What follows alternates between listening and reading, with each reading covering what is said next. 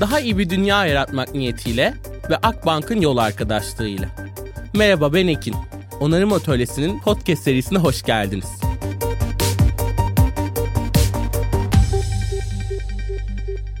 Kocaman bir merhabalar. Onarım Atölyesi Podcast'ın ikinci sezonuna hoş geldiniz. Kısa bir aradan sonra tekrar size merhaba demek, yine bir pazartesi sabahı burada olmak inanılmaz heyecan veriyor bizler için. Küçük bir mola verdik evet ama aslında ikinci sezonda daha çok üretmeye, daha çok sormaya, dünyaya, bize, sistemlere, onarmaya, daha haysiyetli çıkışlara bir merhaba demek ve onlara sorular bırakmak için çok heyecanlı bir sezonla başlıyoruz. Bu sezonda yine şahane konuklarımız var. Yine çok farklı soruları soracağız. Onarmaya farklı biçimleriyle daha da fazla bakmaya çalışacağız. Bazen makro boyutlara, bazen dönüşüme, bazen gazeteciliğe bakarken bazen çevreye, bazen sosyal sistemlere yine döneceğiz. Ama her günün sonunda hep birlikte umut var mı sorusunun peşinde bu gürültüde daha haysiyetli çıkışları arıyor olacağız. Bu podcast serisinde aslında sezon kapanışında da söylediğim gibi bu kadar heyecanlı bir şekilde buraya gelmesini beklemiyorken ikinci sezondan da merhaba diyor olmak benim için çok çok heyecan verici bir durum ve özellikle ikinci sezonun ilk konuğu da benim için çok çok heyecan verici. Sanırım Onarım Ötüresi Podcast'a başladığım günden beri de bu bölümü bekliyorum. Çünkü bugün konuğum sevgili Levent Erden. Ben Levent Hoca'dan zaten sürekli bir şey öğrenmekle birlikte çok özel olmasının bir sebebi de aslında Onarım Ötüresi Podcast'in ismini kendisinin vermiş olması yazılarından, edebildiğimiz sohbetlerden aslında benim ona sürekli sorduğum sorulardan dönüşümü anlamanın, dünyanın nereye gittiğini anlamanın bir yolu olarak ben Levent Erden'e soru sormayı genel olarak kendime seçiyorum. Ve bu noktada onarmayı anlamak istediğimiz noktada dünyanın nereye gittiğini, neyin içerisinde olduğumuzu anlamanın çok kıymetli olduğunu düşünüyorum. Ve bu konuda da ben sevgili Levent Erden'den çok şey öğreniyorum.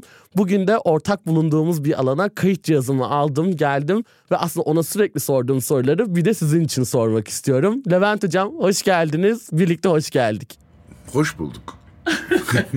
Amma reklamımı yaptın. Çok teşekkür ederim. Ben çok teşekkür ederim. Sen kusura bakma evet ben ilk sezonda gelecektim ama olsun ikinci sezonu birlikte başlatmak da çok keyifli çok daha heyecanlıyım hocam ikinci sezonda sizinle olduğum için. Aslında ben çok uzun süredir sizin yazılarınızdan, anlattıklarınızdan ve dünya ile ilgili söylemlerinizden hem kendi yolumu hem onarım atölyesinin yolunu çizmeye çalışıyorum. Ve çok uzun süredir sizden öğrendiğim, sizden dinlediğim en büyük meselelerden biri de dönüşüm. Zaten onarım atölyesinin ana dokunma alanlarından biri de dönüşüm. Biraz bu konuya girmek de istiyorum sizinle birlikte ve çünkü bölümün ana temasında onarmak için dönüşmek şart mı sorusuyla bunun üzerinden kurgulamak istiyorum. Biz sizinle değiş değişim ve dönüşümü hep tartışırken hep bunu sizden çalıp ben anlatmayı çok seviyorum. Bir tırcılığın şişmanlaması, fiziksel olarak farklılaşması değişimken onun bir kelebek olmasını dönüşüm olarak ele alıyoruz. Bugün dünya nasıl dönüşüyor, dönüşümün neresindeyiz, onarmak bunun neresinde sizce? Şimdi dönüşüm lafı büyük bir laf gerçekten. Öyle herkes her türlü yere bunu kullanmaya başladı ama dikkatli olmak lazım. Dönüşüm dediğiniz andan itibaren eskisinden senin de az önce bahsettiğin kelebek ve tırtıl örneğinde olduğu gibi eskisiyle alakası olmayan bir başka şeye dönüşmekten bahsediyoruz. Dolayısıyla var olan değil olacak olana bakmak gerekiyor. Dönüşemeyenin de şartlar dönüşmeye uygun olacağı için dönüşmeyenlerin de yeni şartlarda ayakta kalması ya imkansız ya çok zor olacak. Şimdi bunu herkes teknolojiye bağlıyor. Acaba bütün bu dönüşüm teknolojik dönüşüm mü? Acaba insanın kendi hayatında, çalıştığı kurumda, ülkelerde 3-5 tane teknolojik altyapı yatırımı, işte biraz program, biraz da bununla ilgili teknik insan alındığı andan itibaren hayat kurtuluyor mu? Ya da böyle zannediliyor. Dönüşüm teknolojik falan değil. Teknoloji tabanlı, merkezli. Evet, dönüşümün belki de ivmesini sağlayan şey teknoloji ama onun etrafında bir toplam dönüşümden bahsediyoruz. Ve bundan sonra toplam dönüşümün hayatın her anında olduğunu söylemekte fayda var. Yani eğlence de dönüşüyor, iş yapma şekilleri de, yaşama şekilleri de, tatil de, çalışma da, işte hepsi ama hepsi dönüşmek zorunda. Dönüşmek dediğimiz eskisiyle neredeyse alakası olmayacak kadar. Ha bu tabii ki bir Orhan Pamuk romanı okur gibi bir tane kitap okuduk hayatımız değişti şeklinde olmayacak. Bu bir süreç. Hayatın belli alanlarında 2-3 sene içinde, belli alanlarında 5-10 sene içinde olacak ama sağlam bir dönüşümden bahsediyoruz. Çok teşekkürler hocam. Peki aslında biraz daha onarım atölyesinin doğuşunda da artık bugünün en çok kullanılan kelimelerinden sürdürülebilirlik yeterli değil ve dünyanın geldiği noktada pek iç açıcı bir noktada değil. Hatta siz bana bu iklim krizi değil, iklim toslaması demiştiniz. Birçok sistem bu kadar toslamış vaziyetteyken bu gerçekleşecek dönüşümde daha iyi bir dünya parametrelerini nasıl sağlayabiliriz? Şimdi insanın içgüdüleri de anlayış biçimi de ayakta kalmak üzerinedir. Mutlaka ayakta kalmaya çalışılacaktır ama bedeli nereden itibaren ödemeye başladığına bağlı. Yani şu anda pek çok farklı sebeplerden sağlam bedeller ödeniyor. Biliyorsun neredeyse 25 ya da 30 yıldır büyük bir crescendoyla iklim, kriz, yeşillik, ısınma diyorduk. E, hatta belki de insanlar hafiften bıktırmaya başladık. Çünkü maalesef sürdürülebilirlik işi pazarlamacıların yani biz marketingcilerin eline geçtiğinden beri içi boşaltıldı. Bunu bir sosyal sorumluluk falan olarak görmeye başladılar hayatın merkezi ve hayatiyetin devamı olduğu anlaşılmadı. İkincisi sürdürülebilirlik lafı her yere yayıldı. Halbuki sadece temiz hava, temiz su, temiz toprakta sınırlı. Ondan sonrası başka bir anlamda kullanılması gerekiyordu. Sürdürülebilir karlılıktan sürdürülebilir pazar payına kadar getirdiğin zaman bu olmuyor. Sürdürülebilir saç boyasına kadar gelince bu işin anlamı gidiyor, içi boşalıyor. Ama öte yandan da insanlık tabii ki buna karşı kendi önlemlerini alacaktır. Mesele enerji meselesidir, sürdürülebilirlikte her şeyden önce. Ne oldu? Bu kadar şey konuşuldu. Pat işte iki senedir bir tane savaş var. Tukaka ettiğimiz nükleer santrallar aa iyi oldu. Almanya'da aa kömür santralları ne ciciymiş oldu. Demek ki biz sürdürülebilirliği de doğayla olan ilişkimizi de siyasi ve toplumsal şartlara göre değiştirebiliyoruz. Savaş sırasında bundan sonra daha da belirleyecek olan bir enerji meselesi ortaya çıkacak enerjinin de dönüşmesi gerekiyor. Hangi enerjiler nereden dolayısıyla bir malzeme dönüşümü gerekecek.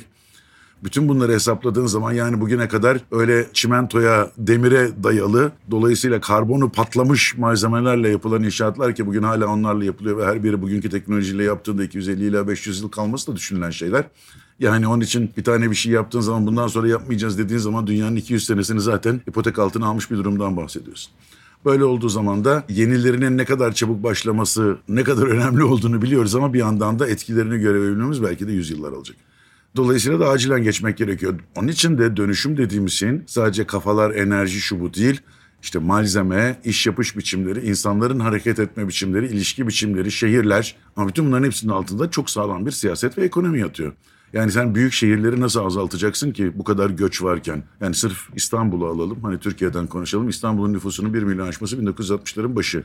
80'lerin sonuna doğru hemen hemen 3,5 milyon. 1998'de yani 21. yüzyıla girmeden evvel teknik olarak 8,5 milyon ve bugün 17, 18, 19 milyon olduğu varsayılıyor resmi olarak 18,5'larda. Demek ki 20'ye yakın. Yani 20 senede bir nüfus ikiye katlıyor. Şimdi sen böyle bir yerde ne altyapıyla başa çıkabilirsin, ne enerji buraya yetebilir, ne bir şey yetebilir. Dolayısıyla senin bütün bu söylediklerinin yapılabilmesi için sadece aman efendim pipetleri kullanmayalım, naylon torbayla gezmeyelim falan filan değil toplam makroekonomik şartların ve buna dayalı siyasi şartların yeniden düzenlenmesi ve düşünülmesi lazım ki buradaki toplam yaşama biçiminin, ilişki biçiminin, malların yer değiştirmesinin, insanların günlük hayatını düzenlemesinin farkları belli olabilsin. Dönüşüm tam da budur zaten. Bugüne kadar yaptıklarını biraz daha azaltmak ya da çoğaltmak değil, tamamen değiştirmekten geçiyor. Onarım atölyesinde de anlatmaya çalıştığımız noktalardan bir tanesi tam olarak hocam aslında buydu. Yani zararı azaltmak yerine artık dünyayı onarmaya geçmekle ilgili ve bunu sadece çevresel değil sosyal sistemler üzerine de yapmaktı. Siz hız konusundan da bahsettiniz. Yazılarınızda da ben bunu çok okuyorum. Ama bir görüşte dünyanın yavaşlayarak ancak kurtulabileceğinden bahsediyor. Bu gerçekçi bir bakış açısı mı? Hızlanırken iyileştirmek mümkün mü sizce? Şimdi ben en başından söyleyeyim. Teknoloji acaba dünyaya kötülük yapabilir mi? Acaba bunlar yavaşlar mı? Ekincim sana bir şarkıyla cevap veriyorum. Evlerinin önü mersin, sular akmaz tersin tersin. Bu hızı tabii ki yavaşlatman gerekebilir ama nereye kadar yavaşlatacaksın? Benim her zaman verdiğim örnek yani M.Ö. 1295 Kadeş Savaşı Mısırlarla Hititler arasında işte ilk defa tekerleklerin etrafı metalle çevrilmiş savaş arabaları kullanılıyor ve saatte 16 ila 20 kilometre ve insanlık bu birinci endüstri devrimi dediğimiz büyük endüstri devrimi hayatı toplamı değiştirdiği dediğimiz şey 1830'lar ilk buharlı tren 16 ila 20 kilometre. 3000 sene boyunca insan hayatında hiç hız değişmemiş. Ondan sonra şu geçtiğimiz 150 sene içinde de hızın artık nereye gittiği belli değil. Yakında hızdan fotonlara ayrılacağız. Şimdi dolayısıyla burada yakalanmış olan bir ivme var. 3000 sene sıfırken bir anda inanılmaz bir ivme. Şimdi nereye doğru gittiği belli olmuyor mu? Bu her konuya da yani sadece bir araç hızının değil her konudaki hızın inanılmaz hale gelmiş olması.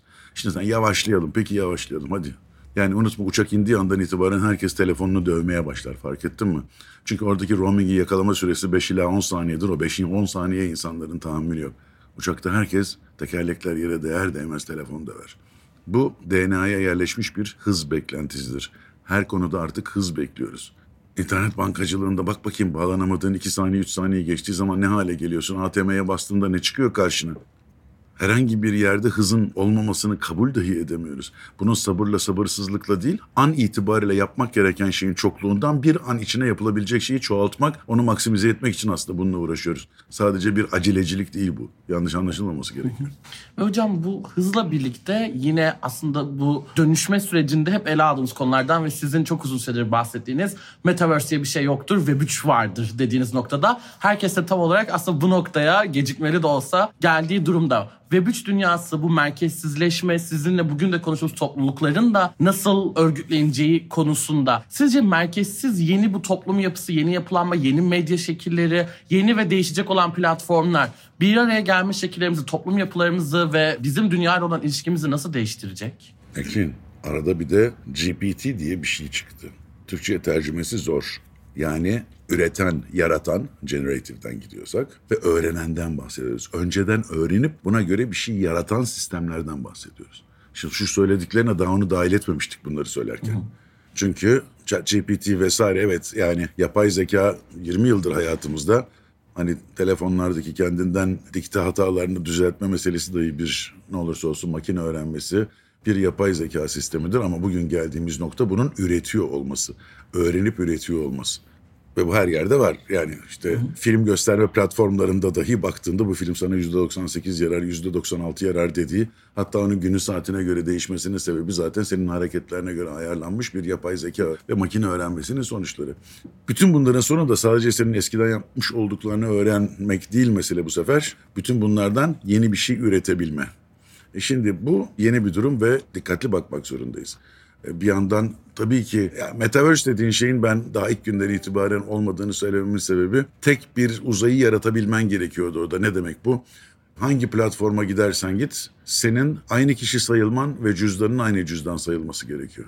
Yani avatarın neyse atıyorum bugünkü platformları düşünelim. İşte Facebook'ta, Instagram'da ve Twitter'da da aynı şeyle girmelisin. Her yerdeki biyon aynı olmalı. Üstelik de cüzdanın yani sahip olduğun, oyunlarda sahip oldukların, işte efendim oralarda sahip olduğun her şeyin cüzdanının da her tarafta aynı şekilde geçerli olması lazım.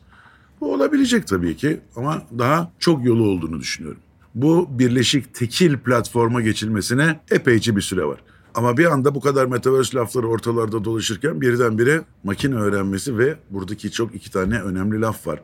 Üretebilen, yaratabilen ve öğrenen bir yapıdan bahsediyoruz. Şimdi üretebilen, öğrenen yapıların da devreye girmesiyle beraber hayatın tamamıyla şekli değişecek demektir. Hızın daniskası bu. Şimdi eskiden büyük veriden bahsediyorduk. İşte milyonlarca veri aynı anda saniye içinde yapıyor vesaire diyorduk. Şimdi onun daha ötesine gittik. O verilerden bir anlam yaratıyor. Şimdi belki de en önemli laf işte tamam veri meri falan veri falan iyi de verinin anlamlandırılması önemlidir. Şimdi anlamlandırmayı insan dışında birileri de anlamlandırabilir hale geldiği andan itibaren veriyi anlamlandırdığın zaman bundan sonraki yol haritanı çizip oradaki stratejilerini belirlemen lazım. Tabii ki sonunda insan faydalanacaktır. Hiçbir zaman için may makineler insanın yerini alır mı falan filan gibi fantezilerle çok zaman kaybetmemek lazım. Çünkü bugüne kadar ne çıktıysa daima aynı kaygılar olmuştur. Tabii ki o çıkan şey insanların yaptığı bazı şeylerin yerini almıştır ama buna karşılık insanlar yepyeni şeyler yapmışlardır. Tabii ki biçer döver çıktığında oraklarla tarlaları biçen insanlar ortadan kalkacaktır, azalacaktır. Orak üreticileri zorda kalacaktır. E yani telefonların içine fotoğraf makinesi özelliği konduğu andan itibaren tabii ki klasik milyonlarca tele, fotoğraf makinesi devre dışı kalmıştır. Pazar gitmiştir. İlgili şirketler yok olmuştur. Ne yapacağız şimdi dövünecek miyiz? Onun yerine apayrı şeyler çıkmaya başladı. Onun için her yeni gelen teknoloji bazı şeyleri bitirdiği gibi yepyeni bir şeyleri de ortaya çıkartacaktır. O tartışmayı yapmamak lazım. Dediğim gibi evlerinin önü versin, sular akmaz dersin dersin. Ama burada olan şeyin nereye doğru götüreceği yani burada dönüşümün tamamından bahsediyoruz. Çünkü işte hep bir tabula rasa'ya masanın üstünü tamamen boşaltıp yeniden kurmaya ihtiyaç olabilir. Örnek eğitim sistemidir. Eğitim sistemin yani tamamıyla ezbere dayalı, sınıfta anlatılığını anlatıldığı gibi anlatana anlattığında aynı ne kadar benzerse o kadar iyi not aldığın enayi sistemlerle bugüne kadar gelinir. Araştırmaktan çok akılda tutmaya dayalı öğretim sistemleri var. Bütün bunların değişmesi, hayatın toplamının değişmesi başlar. Pandemi bize çok şey öğretti. İşte zaman ve mekan bağımsız çalışmanın mümkün ve hiç de verimsiz olmadığını gösterdi. Bugün dünyadaki en pahalı şeylerden bir tanesi özellikle de dünyanın bütün büyük şehirlerinde ve iş merkezlerinde emlak fiyatları ise demek ki ilk işten çıkartacak olan şey yetenek, talent falan denen iyi insanların değil önce sabit maliyetlerin işten çıkartılmasına bakmak lazım. Daha iyi bir dünya yaratmak niyetiyle ve Akbank'ın yol arkadaşlığıyla onarım atölyesine kaldığımız yerden devam ediyoruz. Peki hocam kurumlar nasıl dönüşecek? Bu kadar purpose purpose derken gerçekten verdikleri Ben zararı... demedim öyle bir şey. Evet kurumlar derken. Ben öyle bir şey demedim. Yani purpose diyenlerle de acayip dalga geçiyorum. Bir Orhan Gencebay şarkıcısı şarkısı bu. Bilmem ki bu dünyaya ben niye geldim. Yani 30 senelik şirket gelip de ay pardon ya ajans gel buraya hadi bize bir purpose yaz de. Ondan sonra da o pör ve pısı masanın etrafındaki 3-5 yönetici dinlesin. Purpose'ımız bu desin. Sonra şirketin içinden herhangi bir insanı orta kademe düzeyinde herhangi bir insanı çevir. Ne pörden ne pıstan hiçbir şekilde haberi olmayıp pısıp gidecek bir durumda. Purpose'dan bahsedenlere neremle güleceğimi bilemiyorum. Hani artık bu purpose, Z kuşağı, agile falan gibi acayip pandemi öncesinden pompalanmış, içi boş, hiçbir işe yaramayan kavramlardan uzaklaşmak lazım. Çok teşekkür ederim hocam. Peki Z kuşağı dediniz. Ben bu konuyu biraz da burada deşmek istiyorum. Yani özellikle bugünkü bir konuşmamızda artık herkesin eşit olduğu bir yere geliyoruz dediniz ve kuşaklar anlamını bu kadar yitirirken ve öncesi bilinmeyen bir zamana girerken neden artık bir abla tavsiyesi, abi tavsiyesi değil de eşit olduğunuz bir noktaya gelmeniz ve kuşaklara birlikte çalışmaya nasıl bakmalıyız sizce? Ekincim yün örmeye kalkarsan tabii ki anne abla tavsiyesi çok iyidir. Çünkü onlar senden bin kere daha fazla örmüşlerdir. En az 50 tane kazak fazla örmüşlerdir. Burada bir sorun yok. Ama gerisinde bir tabula rasada masanın üstünün sıfırlanmasından ve yeniden kurulmasından bahsediyorsak kimsenin daha önceden bir tecrübesi yoktur. Yani bir gün desek ki arabaların artık direksiyonları ortada sağdan ve soldan değil trafik vesaire diye kimsenin 20 yıllık şoför olmasının bir anlamı kalmayacaktır. Hatta tehlikelidir. Çünkü öbür türlü direksiyona alışkın olmadığından direkt çakabilecektir birisine. Onun için bütün kuralların yeniden tanımlandığı bir yerde insanların 5, 10, 20 yıllık tecrübeleri olması ya da dünyaya daha erken gelmiş olmaları onları tecrübeli yapmaz. Ya da yeni gelenleri gençler diye aşağılamayı da hiç hak etmezler. Bu aslında bir kaygının ifadesidir. Hele hele kuşaklar tamamıyla arkaik bir teoridir. Kuşaklar üstünden insanları tanımlamak, kuşaklar üstünden hayatı tanımlamak kadar arkaik bir şey olamaz. Bu gene elinden plaj kumu gibi avucunun içinden hayatın kayıp gittiğini gören insanların bunlar bir başka kuşaktır diyerek kendilerini rahatlatmak için çıkarttıkları oyunlar. O zaman burçlara göre gidelim. Yani 10 yıl içinde doğmuş insanların dünyanın neresinde olursa olsun, hatta ülkenin neresinde olursa olsun, yani Hakkari'de, Çemişgezek'te, Esencilis'te ya da Taksim'de ya da Kadıköy'de yaşıyor olması, ailesinin şu ya da bu olmasının hiçbir önemi olmadığı ve o kuşaktan gelen herkesin aynı şeyleri düşündüğü, aynı değerlere sahip olduğu, aynı yargılamalara sahip olduğu düşünülüyor. E burçlar daha iyi, 12 tane var. Fark etmiyor. Oralarda doğmuş olanlar da benzer davranış yapıyor diyen de bir anlayış var. Şimdi bizim 150, 200, 300 parametreyle insan belirlediğimiz, neredeyse yani hiper hedefleme yapabildiğimiz, burada yaşayıp işte burada okumuş olup şu kadar para kazanıp arabası kırmızı renkli olup şu takımı tutup kafasını sağ eliyle kaşıyıp sol eliyle kalem tutup bilmem ne yapan insanlar diye böyle 20 tane parametreyi 50 tane 150 tane parametreyi koyabildiğimiz yerler varken insanları kuşakla tanımaya kalkışmak gerçekten kilometrelerce yolu küçük bir 30 santimlik cetvelle ölçmeye benzer ve tanımlamaya benzer ayıptır. Yani bu saatte hala da kuşaklardan bahsedenler kesinlikle ne teknolojiden nasiplerini almıştır ne dünyadan. Bu Z kuşakçıları artık tüccar olarak nitelemekten başka çarem yok. Çok teşekkür ederim hocam. Özellikle bugün bir genç olarak kendi ifademi... Ya bunu da Ben genç değil miyim? Bir kere hop. Benden bir yaş küçüksünüz hocam. Hayır. Ben senden çok da ben 17 buçuk yaşındayım.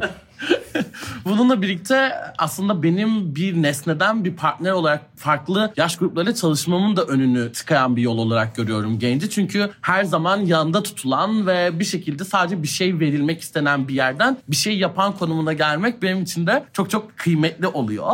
Ve geçenlerde de bir yazınızda da yine okudum. Siri gibi işte aslında komutlu sesi komutla bir kadının sesini, bir kadına şunu yap bunu yap diye yetiştirilen çocuklar ve bununla birlikte de hep konuştuğumuz sosyal meseleler gündeme geliyor. Sizce yeni dönemde hem bu eşitlik meseleleri hem de sosyal refah ulaşım dünyanın yeni odak alanlarından biri olacak mı?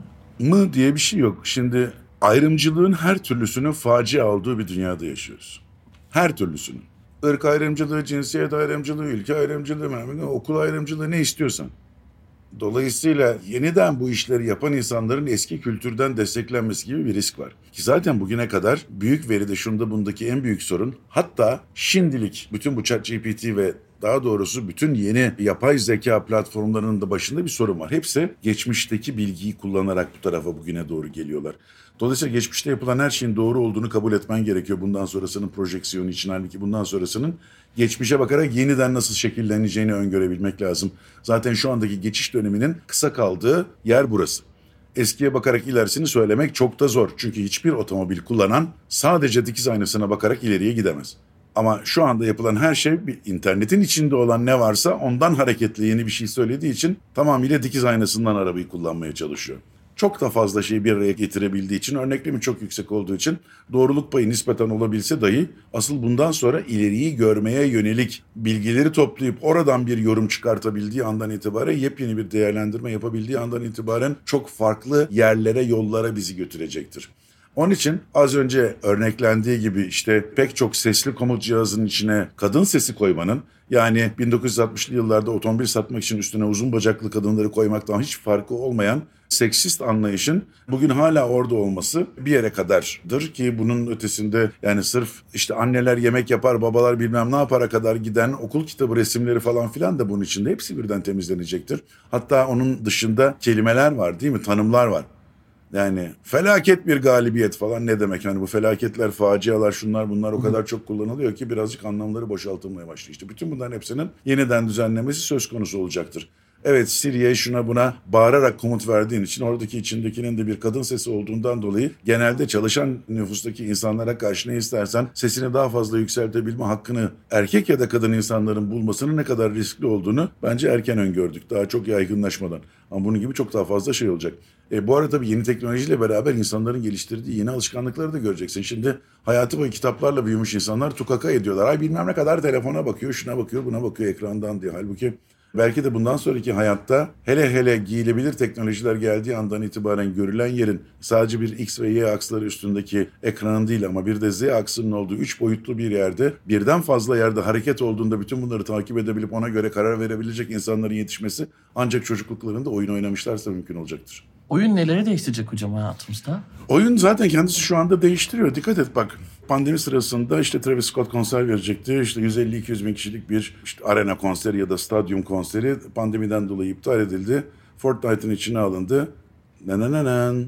48 milyon kişi canlı seyretti. 48 milyon kişinin fizik olarak canlı seyredeceği hiçbir yer yok. Ama televizyondan da seyretmedi. Fizik olarak her gün oynadığı oyun içinden seyretti. Hatta oyunun 14 milyon tanımlı kullanıcısı varken 48 milyon kişi seyretti. Şu anda 400 milyon kişi baktı. Şimdi eğlenceyle oyunun yakınsamasından bahsediyoruz. Oyun eğlence yakınsadığı zaman perakende bunun içine girer. Perakende gelince ödeme sistemleri. Yani artık bunlar bir platform değil, bir yaşama alanları haline gelecektir. Oyunun, eğlencenin, dolayısıyla da diğer periferik faktörlerin yakınsamasıyla yepyeni bir durum ortaya çıkıyor.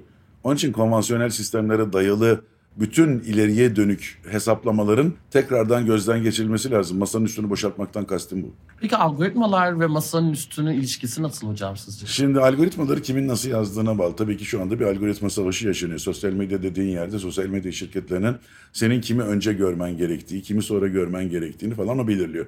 Mesela senin yaş günü ben üç gün sonra görüyorum. Çünkü sen o gün koymuş olmana rağmen bana üç gün sonra gösteriyor. Ben de zor durumda kalıyorum. Basit bir örnek verdim. Ve üstelik de ben seni görmek isterken daha acayip şeyleri görüyorum. Çünkü ondan evvel bilmem neyi beğenmiş olduğum için seninkini göstermemeye çalışıyor falan. Kendilerine göre değerleri var. Şimdi bütün bu algoritmalara karşılık karşı algoritmalar da çıkacak doğal olarak. Ama işte bu yapay zekaya dayalı öğrenen teknolojilerde ve üreten teknolojilerde bu sefer algoritmaların senin önüne ne çıkacağı üstüne değil senin istediğin doğrultusunda çalışılması söz konusu. O zaman da herkesin bütün bu üretici ve öğrenen sistemleri nasıl kullanacağını, orada ne tür sorular ve komutlarla istediğin en yakınını alabileceğini öğrenme yetenekleri ve becerileri ve alışkanlıkları geliştikçe işte o zaman çok daha farklı bir yere gidilecektir. O zaman algoritmalara karşı insanın da kendi araçları, gereçleri olacağına inanıyorum. Hocam peki bu gerekler için dünyayı nasıl kurtaracağız? Abi sen Flash Gordon musun? Yoksa dünyayı kurtaran adam Cüneyt Arkın mısın? Dünyayı niye kurtarıyorsun? Dünya kendi kendini kurtarabilen bir yer. 8 milyon yıldır dünya aslan gibi kendini kurtarıyor. Sen gariban bir insansın. 8 milyon yıldır varsın işte bir o kadar. Daha idare edersin. Neyi kurtarıyorsun? Hocam iklim toslaması diyorduk, sosyal sistemler dedik. iklim toslaması senin sorunun, dünyanın değil. Peki İnsanın sorunu. insanı nasıl kurtaracağız? İnsan- ha, bunu çünkü dünyayı kurtaramazsın. Dünya zaten dengesiz bir yerdir. Öyle doğanın dengesi falan diye bir şey yok. Dengesiz bir yer orası ve her zaman bak milyarlarca yıldır yaşıyor. Sen şurada gelmişsin bir süredir. Bir şeyler yapmaya çalışıyorsun. Sonra da senin de üstünden atan at gibi atacak rodeoda. Kendi yoluna gidecek. Sen kendine bak. Çok çok teşekkür ederim hocam. Peki her konuğuma sorduğumda ortak bir sorun var aslında hocam. Sizce umut var mı? Abi umut yoksa sen yoksun demektir. Umut olmadan yaşanamaz. Umudunun hangi konuda olması, ne tür konulardaki umutların önceliklendirilmesi gerektiği hayatidir. Tuttuğun takımın şampiyon olması mı umuttur? Çocuğunun e, Stanford'ı bitirip de efendim Google'ın CEO'su olması mı umuttur? Mutlu mesut bir hayat mı umuttur? Umut dediğin zaman insanların sayılmayacak kadar veya her insan için neredeyse birer tane farklı 8 milyar umut olabilir. Ama umut olmadan olmaz ki. Çok teşekkür ederim hocam. Hem bugüne kadar bana çok şey öğrettiğiniz için, hem bugün burada olduğunuz için, hem de onarım atölyesine ismini verdiğiniz için iyi ki varsınız. Umarım bir gün siz de beni onarırsınız. Köhneleşiyorum. Görüşmek üzere sağ olasın. Daha iyi bir dünya yaratmak niyetiyle ve Akbank'ın yol arkadaşlığıyla iyilik ve dostlukla. Bir sonraki bölümde görüşmek üzere.